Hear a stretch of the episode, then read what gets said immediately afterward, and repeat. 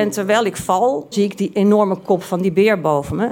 In de wekelijkse podcast Echt Gebeurd worden al meer dan tien jaar mooie, grappige, spannende en ontroerende verhalen verteld door de mensen die ze zelf hebben beleefd. Het regende bommen, dat wil zeggen, om de zoveel tijd ontplofte er een bus. Er zijn al meer dan 400 afleveringen van Echt Gebeurd verschenen. Dit is geen sjamaan, dit is een achterhoeker. Abonneer je nu op Echt Gebeurd in je favoriete podcast-app.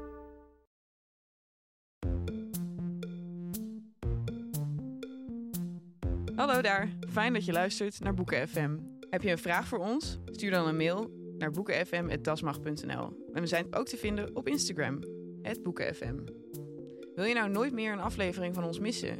Abonneer je dan nu in je eigen podcast-app. En geef ons ook vooral een heleboel sterren en recensies. Dan zijn we ook zichtbaarder voor anderen die ons misschien willen luisteren. Die dacht ik helemaal, dat is gewoon Condera. Maar uh, als we het nu toch over de Unbearable Lightness hebben, dat is volgens mij het boek dat de meeste mensen hebben gelezen. Wie, wie, heeft het allemaal gelezen, de ondraaglijke lichaam van het bestaan? Ik mag oh, liegen hoor, we gaan niet... Heel uh... veel handjes omhoog. Wie, wie, heeft de grap gelezen? nou, oké. Okay. Oh, ja, dat is ook typisch het groene publiek, lekker met z'n allen in de bubbel. Hallo allemaal en welkom bij Boeken FM, de literaire podcast van Weekblad De Groene Amsterdammer en uitgeverij Das Mag. We zitten niet zoals gebruikelijk in de studio van Dag en Nacht Media, maar we zijn vanavond in de Schouwburg met mijn waarde collega's Ellen Dekwies, Joost de Vries en Marja Pruis. Een warm applaus.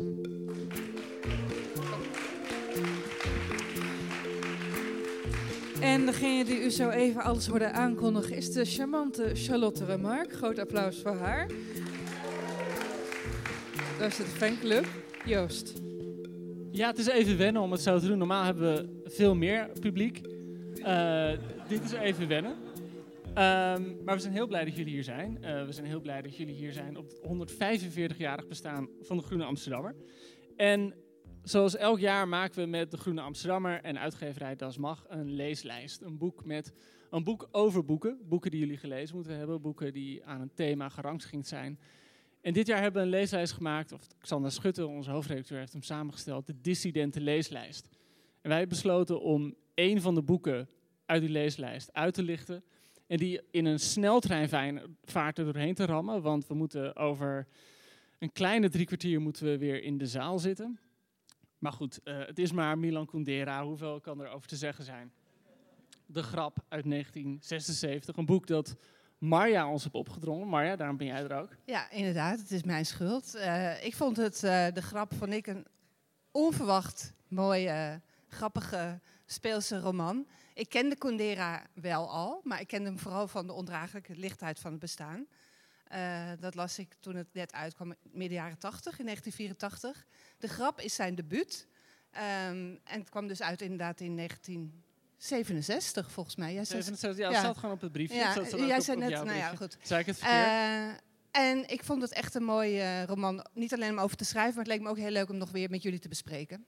Want ik vond het wel grappig wat jij in jouw stuk over Kundera schreef. Dat hij in de jaren tachtig met de ondraaglijke lichtheid best wel een soort van sexy hot schrijver onder jonge mannen was. Zeker, ja. Wat, kun je dat verklaren misschien? Nou, het, sowieso, dan neem ik jullie even mee terug naar de, de hete jaren tachtig. Oeh. Uh, 1984, toen uh, zaten we nog midden in de Koude misschien Oorlog. Misschien leuk om te weten dat, dat Marja in 1984 alleen kon onthouden door tegen zichzelf te zeggen... Oké, okay, Orwell, 1984, ondraaglijke lichtheid. Dit is gewoon de diepere machinaties. Ja, nou, het was nog wel een beetje erger, want ik las eigenlijk... Ik was een ontzettende fan van Renate Rubinstein. Die schreef iedere week in Vrij Nederland de column Tamar. En die was heel enthousiast over Kundera en speciaal over dit boek. En uh, nou ja, zoals ik zei, we zaten gewoon midden in de Koude Oorlog. Uh, Reagan werd voor de tweede, tweede keer uh, her, herkozen als president. Hij wilde de kruisraketten plaatsen in Europa.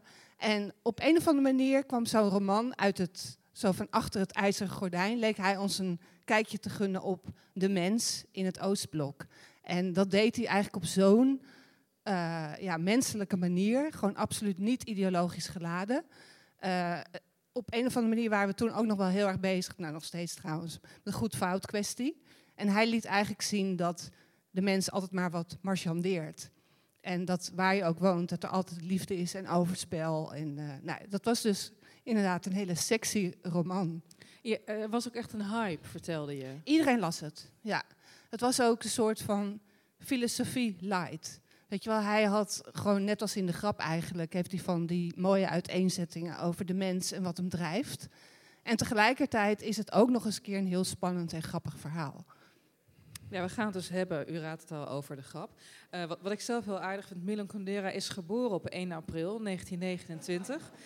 En daar houdt verder mijn kennis op wat ik jullie mag vertellen. Joost heeft namelijk de samenvatting van de grap uit zijn hoofd geleerd en wil het dolgraag met jullie allemaal delen. Hé hey Joost? Ongelooflijk altijd, hoe, hoe fijn ik en hoe graag ik het uit mijn hoofd leer. Eh, voor mij is het het boek van Ludwig. In principe krijg je vanuit meerdere personages uh, hoofdstukken verteld. Maar de grappenmaker in kwestie is Ludwig. En ja, het, het begint volgens mij in 1948. Ja. Niet na, lang na de oorlog. En Ludwig, moet je weten, is een... Ik twijfel of ik hem een ironisch personage moet noemen. Maar het is in ieder geval iemand die een stap achteruit doet. En van een afstandje naar het leven kijkt. Wat ik het leukste eigenlijk vind nog, is hoe het, hoe het boek begint. Is de eerste keer dat hij iets over zichzelf zegt, zegt... Ik ben een rokkenjager. En dat sowieso hoor je die term heel weinig, rokkenjager, dat is een hele fijne term. En sowieso hoor je ook nooit meer iemand zichzelf als rokkenjager beschrijven. Uh, volgens mij, maar was dat ook niet een beetje wel de ondraaglijke lichtheid? Het was ook, ging ook over een rokkenjager, inderdaad. Een man met een, uh, een vrouw en een minnares. En die, uh, ja, ik zal weer zeggen, een, een heel nieuwsgierig oog had voor vrouwen. Ja. Maar ja, die minnares was natuurlijk ook echt een broekenjager. Het ging gewoon over vervelende mensen die noodzakelijk een chronisch polyamoreus wilden zijn. Oké, zo kan je het ook bekijken. Ja. maar goed, Ludwig is in de eerste plaats iemand die politiek in de knoop zit, toch? Vrouwen zijn dan even okay, op de tweede plaats misschien. Ja, nee, fijn dat je, dat je door... Nee, inderdaad. Uh, in principe, uh, 1948, hij, hij heeft over die periode... Uh, dat de, de heilstaat in Tsjechoslowakije wordt opgebouwd. En hij zegt, die jaren verkondigden dat ze de vrolijkste jaren waren. Wie niet blij was, werd er onmiddellijk van verdacht dat de overwinning van de arbeidersklasse hem droevig stemde. Dan wel, wat niet minder zondig was, dat hij individualistisch was verzonken in zijn intieme zorgen. Ik denk dat nu precies het, omgekeerde geldt. Dat als je nu heel positief over de wereld bent, dan ben je ook heel verdacht. Of je zit bij de VVD of zo minst.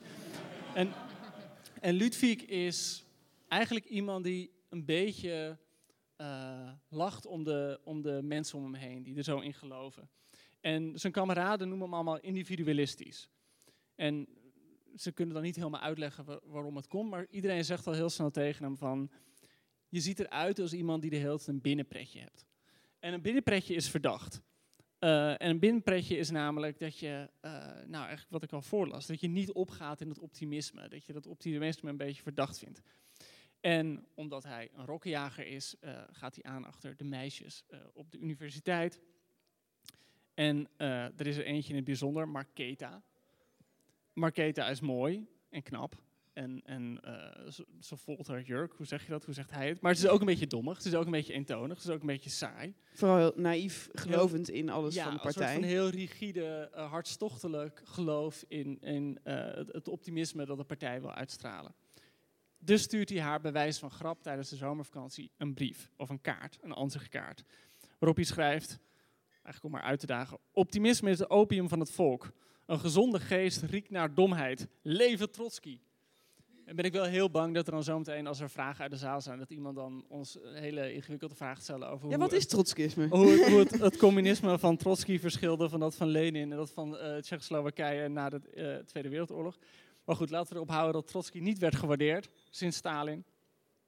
Uh, en die kaart komt terecht bij ja, eigenlijk andere studenten die heel fanatiek in de leer zijn. En eigenlijk wordt hij gewoon van school gestuurd. Uh, en belandt hij in een soort uh, ja, zware arbeid. Ja, strafkamp waarin hij, waarin hij in, de, in de mijnen moet werken voor de partij.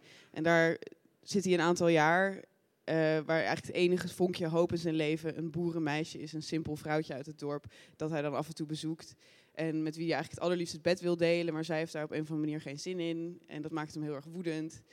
Uh, en als hij dan eindelijk uit dat strafkamp komt, ja, misschien moeten we dat nog even voor het laatste laten. Of is dat, mogen we de big reveal nu? Maar is, is zij dan deel van het strafkamp dat zijn blauwe ballen bezorgt om het allemaal nog erger te maken? Ik weet niet welke voor functie Lucie heeft. Ja, kan ik echt heel uur over vol praten. Nee, zij... Het is een soort strafkamp, maar dat zit aan een dorp vast. En ze mogen ook af en toe dat dorp in. En zij woont in het dorp. En zij, ja, ze werken daar in de mijn. Het is een mijnstadje. Het is echt het, een groot deel van het boek Klinkt misschien niet heel aantrekkelijk, maar gaat op aan de beschrijving van die, die jaren in dat mijnstadje. En uh, Kundera speelt het klaar om daar ook echt hilarische beschrijvingen van te geven. Vooral van de onderlinge verhoudingen, van de hiërarchie. En het is echt het leger wat hij daar beschrijft. En ook gewoon de totale uh, troosteloosheid waarmee hij met zijn makkers dan in het weekend uh, probeert inderdaad nog een pleziertje na te jagen. Ja, wat het interessantste is aan die periode in de mijnen, is dat hij dus met allemaal politieke vijanden van, het, van, het, uh, van de partij eigenlijk daar is beland. Dus het idee is dat deze mensen zijn zo gevaarlijk dat ze niet in het echte leger mogen, want dan heb je een wapen. Maar ze moeten echt de mijnen in. Waar erachter komt zijn, al deze mensen hebben echt gewoon een soort domme uitgeleier gemaakt. Er zijn geen enorme politieke vijanden. Ze hebben allemaal zoiets sufs gedaan als een grapje over Trotsky maken. Ja, maar dat is ook het ironische. En dat is eigenlijk ook al een soort van vrede grap. Dat Ludwig is overtuigd communist. En hij komt nu gewoon in het, in het gezelschap terecht van echt, echte staatsvijanden. Ja, maar die eigenlijk ook allemaal niet... Zeg maar, het zijn ook geen mensen die de partij onderuit willen halen. Het zijn allemaal jongens ja. van 24 die gewoon iets stoms hebben gedaan. Die zeg maar, dronken hebben gevochten met iemand die toevallig partijprominent was. Uh, dat zit toch ook wel heel erg de willekeur in van, van dat totalitarisme. Ik vind het ook heel mooi dat ze op een gegeven moment uh, hebben ze een, een, een Piet Luttige commandant. En dan moeten ze een hardloopwedstrijd doen.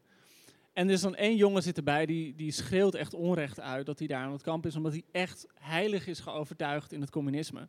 Maar hij is ook de traagste die erbij zit. Dus ze moeten allemaal een rondje rennen. En eigenlijk alle andere gevangenen doen een beetje alsof ze een soort van shuttle run test, scooper test. En ze doen een beetje of ze hun best doen. En hij doet echt zijn best.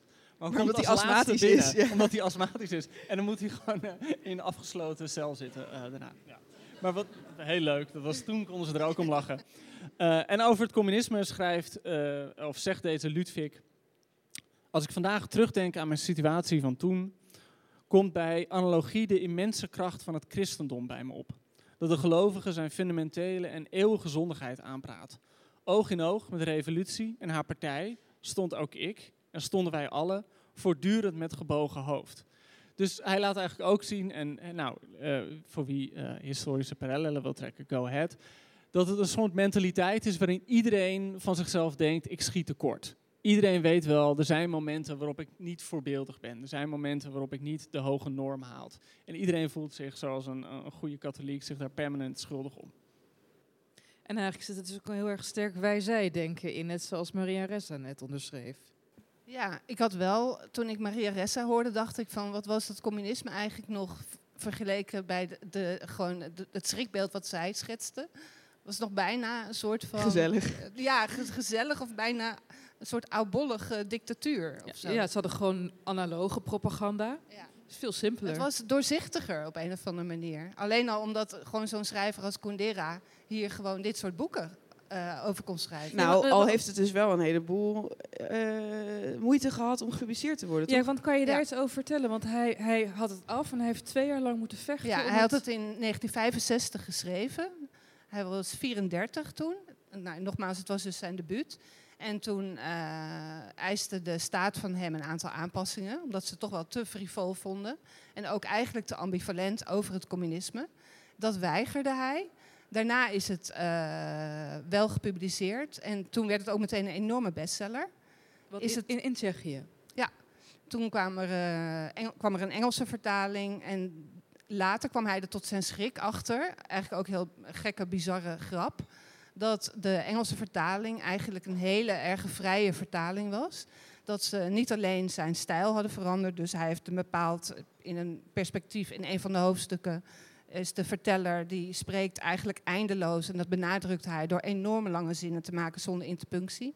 En die was in de vertaling waren die zinnen gewoon in stukken geknipt. En uh, er waren allemaal stukken weggelaten ook. Er zit een stuk in de roman dat gaat over de, de Moravische volksmuziek. En dat is ook een heel ironisch deel. En dat dachten ze ook van, nou, dat laten we maar weg. Ik moet zeggen dat ik de vele bladmuziek die erin voorkomt misschien had weggelaten als ik zijn eindredacteur was. Ja, meer, meer Moravische ja. volksmuziek. Ja, het, het, ironische is ook dat ze gewoon dachten, de Engelse vertaling dachten, we moeten er een duidelijker anticommunistisch boek van maken. En dat is natuurlijk het ergste. Dat hij gewoon in de kitsch viel van een duidelijke dissidente schrijver te zijn. Dat is ook wel een beetje uh, ja, lullig op een bepaalde manier dat hij is opgenomen in de dissidente leeslijst. Want als hij ergens een hekel aan had, of moeten zeggen heeft, want hij leeft nog, is het om uh, voor dissidente schrijver door te gaan. Waarom vond hij dat zo erg? Hij zegt gewoon, een, een, ik, ik schrijf een roman. Ik schrijf geen politieke roman. En de kracht van de roman is juist dat hij gewoon op geen enkele manier een boodschap heeft. En dissidente literatuur, dat vond hij eigenlijk per definitie kitsch-literatuur. Omdat het te, te dicht bovenop lag. Ja, ook omdat het gewoon dan zou gaan over de waarheid of de werkelijkheid. Terwijl hij vindt van alles moet uiteindelijk gewoon open zijn. En in mijn roman spreken de personages elkaar tegen. Het gaat erom om de vraag te stellen. En niet om, is, niet om een sluitende werkelijkheid te geven. Is Ludwig op enige manier een held te noemen? Of is hij ja, moreel grijs? Uh, hij is vooral veelkleurig, vind ik. Ik vind hem op geen enkele manier moreel grijs. Hij is heel menselijk, heel woedend. Hij is uh, wraakzuchtig. Hij komt tot inkeer. Maar Kundera laat ook andere mensen naar hem kijken. En dan zie je niet dat hij zielig is, maar wel dat hij uh, ja, wel een, een klein mens is. Ik heb, ik heb nog een mooi citaat daarover. Volgens mij hadden we die allemaal aangemerkt. Um, hij heeft dan over hoe hij op de universiteit in de studentengroep valt en, en dat iedereen hem een beetje vreemd vindt. En dan zegt hij, en dat niemand hoogte van hem kan krijgen. En dan zegt hij, maar wie was ik dan in werkelijkheid? Ik moet het herhalen. Ik was iemand met meer gezichten. Op vergaderingen was ik serieus, enthousiast en overtuigd. Onder mijn naaste kameraden was ik tartend en vinnig. Bij Marketa, het meisje, was ik cynisch en krampachtig geestig. En alleen, als ik aan Marketa dacht, was ik radeloos en van streek als een schooljongen. Was dat laatste gezicht soms het ware? Nee, al die gezichten waren echt. Ik had niet, zoals een schijnheilige, één waar gezicht en de rest valse. Ik had meer gezichten omdat ik jong was en zelf niet meer wist wie ik was en wilde zijn. En dan zie je natuurlijk al heel duidelijk weer die, die tegenstelling waarom eigenlijk zo'n personage als hij zo niet geschikt is voor het communisme. Hij zegt, ik heb meerdere gezichten, terwijl het communisme zich voorhoudt, er is maar één waar gezicht. En dat is de heilstaat. Hij is wel ook een berekenend iemand. Want we komen er ongeveer halverwege achter dat hij niet een speelbal van het lot is, maar wel degelijk een plan heeft als hij ja, uit... Ja, misschien moeten we dat ook zeggen. Het is, het is ook een wraakroman eigenlijk. daar kom je best wel laat achter, want je denkt, oké, okay, Ludwig, hij heeft echt iets foktops gedaan. En nu moet hij de hele tijd lijden onder dat regime. En daarna zien we hem verloren door zijn geboortestad rondlopen. En je denkt, oké, dit is een man zonder doel. Maar dan kom je er op een gegeven moment achter waarom hij daar is. En dat is namelijk omdat hij erachter is gekomen dat uh, een verslaggever die hij een keer heeft ontmoet, de vrouw is van de man die hem in de eerste instantie heeft aangegeven. Dus de jongen die back in the day, toen ze aan het studeren waren, hem eigenlijk aan de schandpaal heeft genageld, is nu getrouwd met Helena. En Helena heeft een oogje op Ludwig. Dus hij denkt, ik schaak haar en dan heb ik wraak genomen. En dat, is, dat wordt op een gegeven moment zo onthuld aan het einde van zo'n scène. Je hebt Helena al gezien, je hebt Ludwig al gezien. Je weet niet zo goed wat ze met elkaar te maken hebben. En zij staat dan in te checken in het hotel. En dan zegt ze er achternaam. En dan denk je, wat? Dit moet de vrouw zijn van. Maar goed. Komt dit plan uiteindelijk, tot, uh, landt dit zoals hij wil dat het, uh, dat het gebeurt? het zou heel gek zijn als het antwoord nu ja was, natuurlijk. Dan zou de roman af zijn. Ik vind wel dat, dat ja, Kundera, vind jij het een knappe man om te zien, maar? Kundera? Kundera. Kundera. Is het Kundera? Is het Kundera? Het gekke is dus... Uh, het is geen knappe man Maar, maar, wat maakt dit nou uit? Het uiterlijk van een schrijver nou, als nee, Daar wil Joost het altijd over hebben. Ik wil het je uitleggen. En dat is gewoon omdat nou, Ik wil wel even eerst een antwoord geven. Oké, eerst antwoord. Uh, ga je nog, ga je nog geen antwoord geven op mijn vragen? Ik ben gewoon een... Okay. Nou, ik, het typische is dus... Nou, ik vind Kundera, als je het me zo rechtstreeks vraagt vind het een hele knappe man. Maar als ik aan hem denk, dan denk ik aan Daniel Day-Lewis, idioot genoeg. Omdat de ondraaglijke lichtheid van het bestaan is in 1988 verfilmd. Het was een waanzinnig indrukwekkende film. Zag voor het eerst Juliette Binoche groot op het scherm. En Daniel Day-Lewis was de verteller. En dat is gewoon een soort faunachtige figuur. En ik, op een of andere manier dacht ik helemaal, dat is gewoon Kundera. Maar uh, als we het nu toch over de Unbearable Lightness hebben, dat is volgens mij het boek dat de meeste mensen hebben gelezen. Wie, wie heeft het allemaal gelezen, de ondraaglijke lichaam van het bestaan? Je mag oh, liegen hoor, we gaan niet... Heel uh... veel handjes omhoog. Wie, wie, heeft de grap gelezen? nou, oké. Okay, oh, ja, dat is ook typisch het groene publiek, lekker met z'n allen in de bubbel. Marja, um, jij bent natuurlijk gewoon een literaire kenner, zeg je altijd zelf als je een beetje teus bent.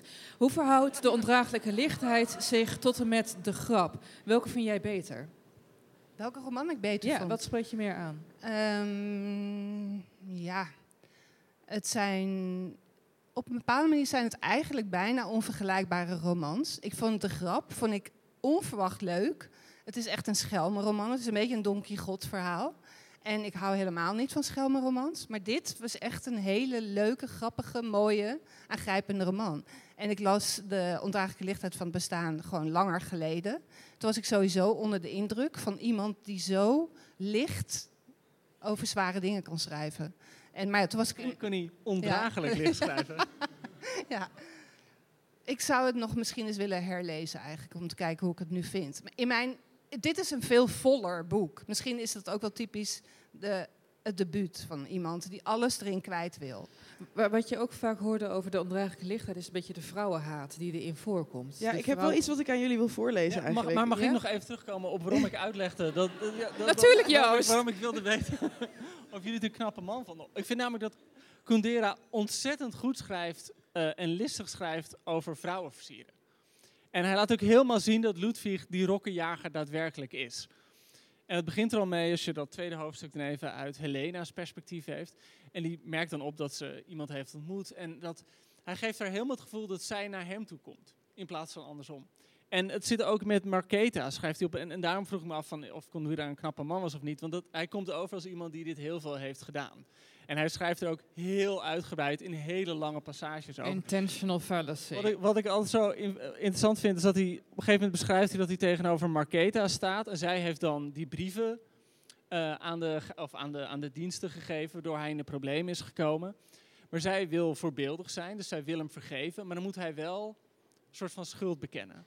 Dan beschrijft hij heel mooi dat haar tegenover haar staat en dat hij haar zo ziet staan met dat pruilipje en met de beste intenties en die heilige eh, overtuiging van het communisme. Maar hij ziet natuurlijk ook gewoon een beetje eh, hoe ze eruit ziet en dat ze een leuke jurk aan heeft. En dan gaat hij zo heel lang, zo'n hele passage nadenken van... Oké, als ik schuld beken, kan ik met haar naar bed. Maar dan heb ik wel een hekel aan mezelf. En dus hij laat op een bepaalde manier gewoon... een soort van die, ja, die, die oeroude, dat, dat oeroude mannelijke dilemma zien. Van, wil ik de waarheid vertellen of wil ik met deze vrouw naar bed? En, en dat moet je hem dan toch nageven, dat hij gewoon de waarheid vertelt. Eh, en later zit het, zit het op al heel veel andere momenten in het boek ook. Op een gegeven moment, en, en je, je wil het volgens mij over seksisme hebben. Nou, ik wou in ieder er geval. een beetje ik, in. ik wou eigenlijk beginnen met van we denken er nu vast anders over, maar dan ben jij toch altijd even het gezicht van het verleden, Joost. Ehm, want ik, ik vond toevallig achterin eh, mijn editie van de grap, eh, dat ik in een tweedehandswinkel heb gekocht, vond ik een recensie van toen de oorspronkelijke, eh, toen hij voor het eerst in het Nederlands verscheen. Een recensie uit de Volkskrant van Paul Beers. En hij schrijft dan, even in een hele korte alinea schrijft hij dit. Terzijde. De onvergetelijke schildering van Lucie bewijst dat Kundera een groot en diep kenner is van de vrouwelijke psyche. Ja. Ik wil dat wel even voorleggen. Nou ja, weet je... Vooral aan Marja, denk ik. Eh, want ik want had jij, was je het eens met Paul dat hij een groot en diep kenner van de vrouwelijke psyche is? Nou, het, ik, wat ik erover zou, eerder zou zeggen is, hij, hij heeft oog voor vrouwen. Bijna hetzelfde. Maar om te, nee, dat van die psyche is natuurlijk een godspe. Ik bedoel, die Lucy, dat is gewoon echt een, een... Nou ja, als ik zeg een wrak, dan ga ik eigenlijk met hem mee. Maar dat is iemand met een ongelooflijk tragische, nare geschiedenis. En die beschrijft hij uiteindelijk wel goed. Maar hij doet er ook best wel luchtig over. Zij is wel echt... Nou ja, goed, dat klinkt nu weer heel ernstig. Maar ze is echt slachtoffer van verkrachting, keer op keer. Dus ja, om nou te zeggen de psyche, dat hij zich in haar verplaatst. Lucie komt niet aan het woord, toch? Of, of ben ik dat Nee, vergeten? Nee, Lucie komt niet aan het woord. Nee, nee. Helena wel, maar Helena is een soort schertsfiguur. Helena is gewoon helemaal op drift en die heeft alleen maar oog voor die Ludwig. Je wordt dus eigenlijk bevestigd in hoe hij naar haar kijkt. Iemand die die makkelijk kan manipuleren. Hij schrijft, of dat zegt Ludwig... In een vrouw hou ik niet van hetgeen zij op zichzelf en voor zichzelf is. Maar van dat waarmee zij zich tot mij richt. Wat zij voor mij betekent.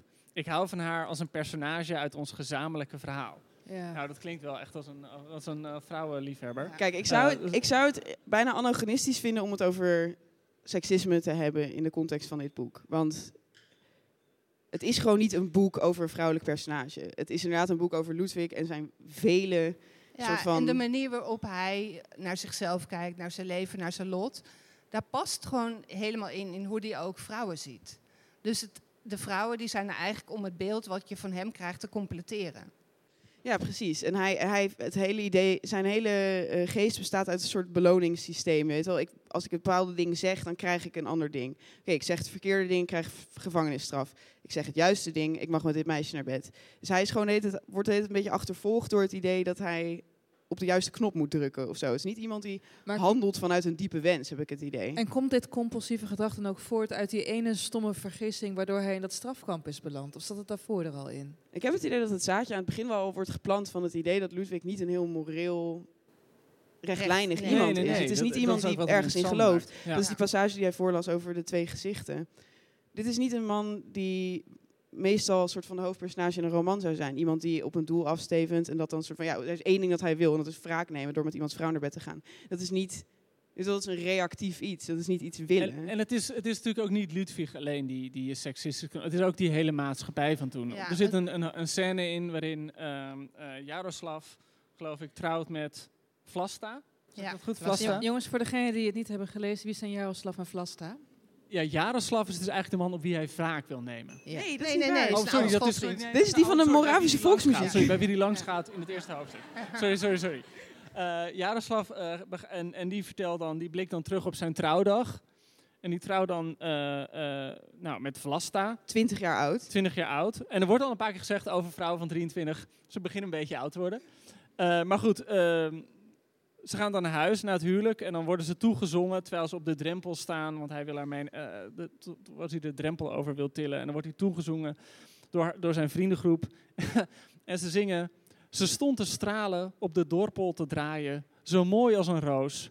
Haar schoonheid knakte toen ze erover stapte, verwelkt was de roos. Nou, dat is natuurlijk altijd wat je altijd op je huwelijk toegezongen worden. Maar dan eh, wel verder op die blad, bladzijde eh zegt Jaroslav heel mooi over zijn eerste huwelijksnacht. Toen ging ik met Vlasta in het weelderige bed liggen. En ik had het gevoel dat de wijze oneindigheid van de menselijke soort zelf ons in haar zachte armen nam. Nou, dat is toch, zo weet je toch altijd dat je eerste, eerste huwelijksnacht is. Ja,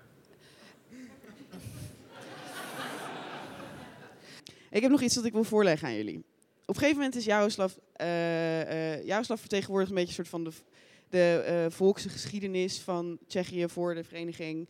En dan heb je een tegenhanger van hem en dat is Kostka. En dat is een christen. En hij heeft altijd, ook altijd conflict eh, met Ludwig. Want hij vindt dat Ludwig eh, verlost zou moeten worden door het christendom. Oké. Want hij zegt dit. Want leven in een wereld waarin niemand vergeven wordt, waarin niemand verlost wordt, is hetzelfde als leven in de hel. Je leeft in de hel, Ludwig, en ik heb het met je te doen. Dus hij vindt dat soort van Ludwig die kan gewoon de mensen die hem beschuldigd hebben niet vergeven. Vijftien jaar later, hij is nog steeds boos, hij wil nog steeds iedereen's vrouw neuken. En het idee is van als hij ze had kunnen vergeven, als we in een samenleving zitten waarin vergiffenis belangrijker is dan wraak, dan zouden we verlost zijn. Zijn we het eens met Koska? Nou, kijk, en dan kom je bij een van de diepere ironieën van het boek. Want het boek stapelt ironische gegevens op ironische gegevens. En een kleine spoiler, eh, hoewel de spoiler gewoon op de achterkant van mijn boek staat. Hij gaat dan wraak nemen door Helena te veroveren. Eh, want dat is oh, de, Helena. Ja, sorry, de mooiste vrouw van... ja, ook- ja, ik weet niet of dat per se de. de Ehm, hij gaat wraak nemen op zijn, eh, de man die hem verraden heeft door Helena te veroveren. Maar wat blijkt? Die man wil eigenlijk al lang van Helena af. En die vindt het gewoon wel prima dat ze gewoon een affaire heeft. Want dan heeft hij ook gewoon een excuus om zelf een affaire te hebben. Die hij al heeft ook trouwens. Eh, dus Dat is dan weer de grootste, het grootste verdriet van Ludwig. Als hij zijn oude vijand tegenkomt met een veel jongere vriendin. Dat hij alleen maar kan denken, ik wil die vriendin. Dat vind ik het allergrappigste. Het gaat de hele tijd over Helena en hoe fucking oud ze is. En al dat soort van zware vlees dat van haar afhangt, omdat ze zo oud is. En op een gegeven moment kom je erachter hoe oud ze is. 35. Goed. Ja, maar waar andere tijden. andere tijden. Andere tijden. Ja, maar het betekent dus dat, Ja, zeg maar, aan het einde ben je er nog steeds niet uit nee. wat Ludwig nou precies, waar hij nou precies op zoek Nee. naar is. Het waardesysteem waar hij zich de hele tijd tegen heeft verzet, Mhm. het goed fout denken dat hem de gevangenis in Ja. heeft gegooid. Aan het Ja, einde ja. zegt hij van, ja, maar ik moet die man van Helena, ik moet hem kunnen haten. Ik, mag, ik kan hem niet vergeven. Nee. Dus in dat geval gelooft hij ineens wel in een, zwart, in een soort zwart-dit denken. Van er is een vijand en die vijand die moet... Nou ja, Vergelding. het is ook als hij zijn oude vijand tegenkomt met die jonge vriendin. Dan hoort hij via de jongere vriendin hoe zij aankijkt tegen het soort mannen. Wat nu haar vriend is en Ludwig. En dat eigenlijk zijn het in haar ogen dezelfde mensen die ooit zich hebben vergist in het staatssysteem. En dat is eigenlijk voor, dat is nog de grootste grap, eigenlijk, dat hij merkt van het doet er niet eens meer toe. Dus hij heeft zijn hele, eh, die, al die jaren in het strafkamp heeft hij zitten broeden op wraak. En ontleent hij eigenlijk zijn bestaan aan zijn, zijn tocht naar wraak. En ook dat hij dacht van, nou, hij was gewoon slecht. Ik heb ooit gehad, meegemaakt dat mensen van wie ik dacht dat ze mijn vrienden waren... en hetzelfde geloofd als ik, dat ze me zomaar kunnen laten vallen. En dan opeens wordt alles zo triviaal en blijkt het gewoon allemaal een illusie te zijn geweest. En dat is eigenlijk nog de grootste straf, denk maar, ik. Maar is dat ook niet een soort van, dat is voor, voor mijn gevoel de, de boodschap van het boek, als je over een boodschap kan spreken. En dat is ook inderdaad de grote grap van het communisme dan. Dat niemand heeft zijn eigen lot onder controle. En sterker nog, het lot presenteert zich op een omgekeerde, binnenste buiten, verknipte, ironische manier. Op een gegeven moment zit hij in het strafkamp. Uh, en dan is er een, een man met wie hij uh, een bunker deelt of een, een, slaapzaal deelt. En die trouwt dan met een meisje omdat hij dan een paar dagen vrij kan krijgen. Volgens moet die man weer terug naar het kamp. En dan krijgt hij van alle mensen te horen dat, uh, zoals uh, zegt, zijn vrouw de hoer speelt. En die gaat met andere mannen. Dus dan ontsnapt hij uit die militaire basis.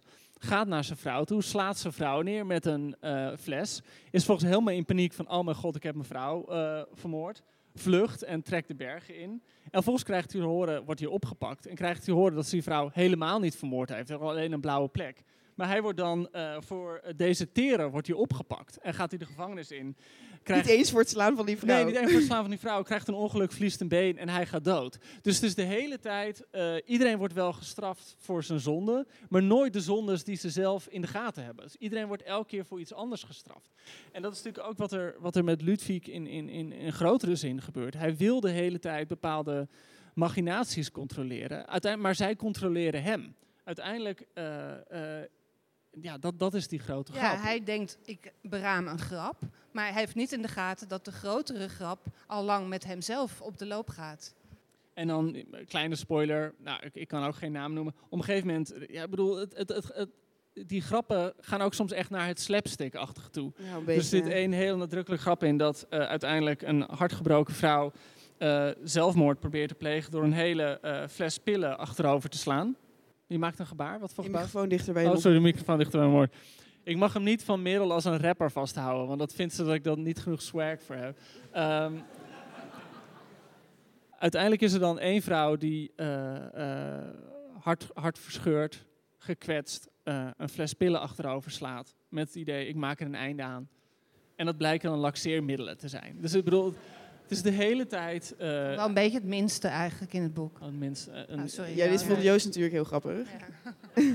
altijd tegen mij. Altijd dat jij van tevoren echt nog tegen me zeggen... Ja, Joost, je moet het vertellen van die laxeermiddelen. En dan, dan nu distancieren.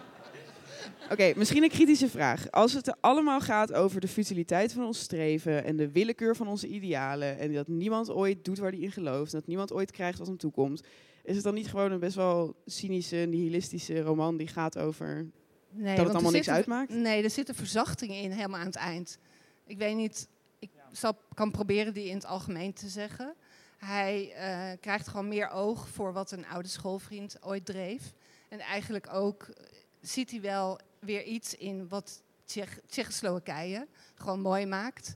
Terwijl daarvoor is alles eigenlijk van haat doordrenkt en van wraakzucht.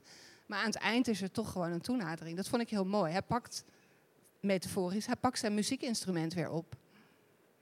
En dan is het een soort happy ja. end? Mm, nou, een happy end, maar wel waar een ambulance de hoofdrol in speelt. Dat is altijd, dat is altijd een happy end. Ik was toch nog wel zelf verbaasd over het feit dat Kundera nog steeds leeft. Dat hij, hij in Parijs woont. Hoe dan? Hoe en ik dan? dacht echt van waarom gaan we hem niet interviewen, bijvoorbeeld? Hij is dus, nou goede vraag Maya. Uh, hij, hij is heel schuw. Hij Echt? geeft amper interviews. Maar misschien vind ik het ook wel zonder worden als 140 ik of zo. Hij is ouder dan de groene. Nee, ja. Hij is, wat was hij nou? Hij is 94. 94. 94. Inmiddels ook Frans staatsburger, want daar hadden we het van tevoren ook even over. Waarom heeft die man nog steeds niet de Nobelprijs? En er zijn verschillende theorieën. Jij dacht volgens mij, Joost, dat hij zijn tijd al een beetje heeft gehad. Zijn Nou ja, als, heeft je, als gemist. je 94 bent, dan had je hem wel, als je hem zou krijgen, had je hem dan wel al gehad. Maar Gamenko was 101 hè, bij de PC ja. Hoofdprijs.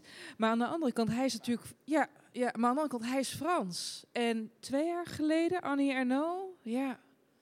Heeft het alweer opgestookt voor de Franse tien jaar na haar. Ja, ja, als je zo kijkt. Ja. Ik denk eigenlijk vooral dat hij gewoon, nou ja, zijn mooiste boeken gewoon lang geleden heeft geschreven. Met welk boek stopte die reeks? Ik denk, eh, dat is wel echt ook een tijdje geleden, het boek van de lach en de vergetelheid. Eh, dat, was, heb, dat was echt in 1978, maar. oh, oh, pardon. Maar, maar, maar, maar, maar dat, Dan- maar dat dan boek je is... hij, heeft, hij heeft een carrière, hij heeft tien, jaar, tien goede jaren. Maar dat, dat boek is zelfs nog voor eh, de ondraaglijke lichtheid, want dat is uit 1984. Ja. Dus jij vindt de ondraaglijke lichtheid, dan is hij al bezig met Nou, ja, de, ik de Ik ik vorig heb nog een paar- identiteit Ja, lezen. ja, ik heb ik- wel dat boek gelezen omdat het van jou moest. ja, en dan ga je ja, nu ja, zeggen dat Ik heb, Identiteit, ik heb, nog- 19 ja, dat, ik heb 97. Wacht een paar je- je moest dunnere het voor boeken jouw gelezen. identiteit lezen? Nee, voor Marja's identiteit. Oké. Maar het was, het was eh, Eh, ja. ja. dat schreef hij dus in het Frans, Identité. En ik vond het vooral een heel mooi boek vanwege het gegeven. En het is best een klein boek vergeleken met deze en met die andere eh, grotere romans. Eh, maar ik, uiteindelijk is het toch ook gewoon een gek onbevredigend boek. Het lijkt meer een soort gedachtenspel. Alsof hij toch misschien uiteindelijk niet meer dit kan opbrengen om zo'n grote spanningsboog vol te houden. Maar goed, dat geeft niet. Die man heeft genoeg geschreven. Nou ja, en in zijn vroege werk zit het dus nog echt heel strak in elkaar. Dus we kunnen misschien wel overgaan op een vast onderdeel van onze aflevering, namelijk dat we een cijfer geven. Het voelt misschien een beetje plat bij, eh nou, gedoodverfde Nobelprijswinnaar Milan Kundera. Nou ja, we hebben Flaubert ook een cijfer gegeven, dus dan kunnen we... ja, en toen werd iedereen boos dat ik hem weer een 9 gaf, terwijl dat was gewoon een heel goed boek. Connie Palmer kreeg een 60, toch? Of zo? Ja? Connie Zo, Palmer had hebben we 60 wel- punten. Ja, 60 Maar ze ook punten. omdat we bang voor je zijn. en ze knikt zo, ja, dat weet ik wel. Oké, eh, ik, eh, wij, wij trekken altijd van tevoren bij een boek of hem strootjes. Wie het boek niet mag lezen, zodat je dan de domme vragen kan stellen. En dat was ik dit keer. En toen zag ik hoe dik het boek was. Ik dacht van, joepie. Charlotte, welk cijfer geef je het? Ja, eerst misschien wat pluspunten en minpunten. Ik vond het heel geestig. Ik vond de passage over Moravische volksmuziek too much. Oké. Ehm, nee, ik vond het zeker niet too much. Ik vond het er wel in passen eigenlijk. Het is ook een soort pesterijtje wat erin zit. Het eh, zegt ook heel veel over de ambivalente houding van de hoofdpersoon tegenover de Moravische volksmuziek. Ehm, dus ik vond het wel mooi juist. Ik geef, heb je nou een cijfer gegeven? Nee, oh. heel oh, de tactisch. plus Pluspunten en minnen. minpunten. Ehm, de minnen. Ja, toch die laxeerpillen, denk ik. Verder vond ik het wel... eh, heb ik er echt wel van genoten. Nou, die laxeerpillen waren voor jou een plus. Nee, ik, ik vond de Moravische volksmuziek heel fijn. Ik vond het juist heel veel dat hij op een gegeven moment over jazz ging hebben. Als er één ding is waar ik een hekel aan heb, dan is dat mensen zeggen, weet je waar ik van hou? Van jazz. En lekker freestyle en we zijn een vrije ziel. Nee, eh, Ze spreken het dan ook altijd zo uit. Jazz. Jazz. Nee, ik vond die Ludwig, en ik denk dat, dat en, eh, wat dat betreft is het een boek dat je zeker kan aanbevelen aan mensen die ondraaglijke lichtheid hebben gelezen. Omdat het gewoon een heel fijn, dubbelzinnig personage heeft. Een personage, een hoofdpersoon, een verteller die op een hele dubbele manier in de wereld staat. eh, Heel veel paradoxen bij elkaar draagt. eh, heel veel, nou precies wat ik al, al voorlas, die meerdere gezichten heeft. En weet dat die meerdere gezichten datgene is dat ons menselijk maakt. Het is niet één diepere waarheid die we allemaal in ons dragen. Nee, we dragen heel veel conflicterende waarheden in ons mee. En ik vind dat die Ludwig dat op een, op een zeldzaam mooie manier belichaamt en verwoordt eh, via Kundera. En wat toch ook helpt, is dat je weet dat het is geschreven in een communistisch, onder een communistisch regime, vind ik. Het is niet een vrijblijvend gedachtenspel. En Heer iemand- Gewaard had dit boek anders gelezen. ja.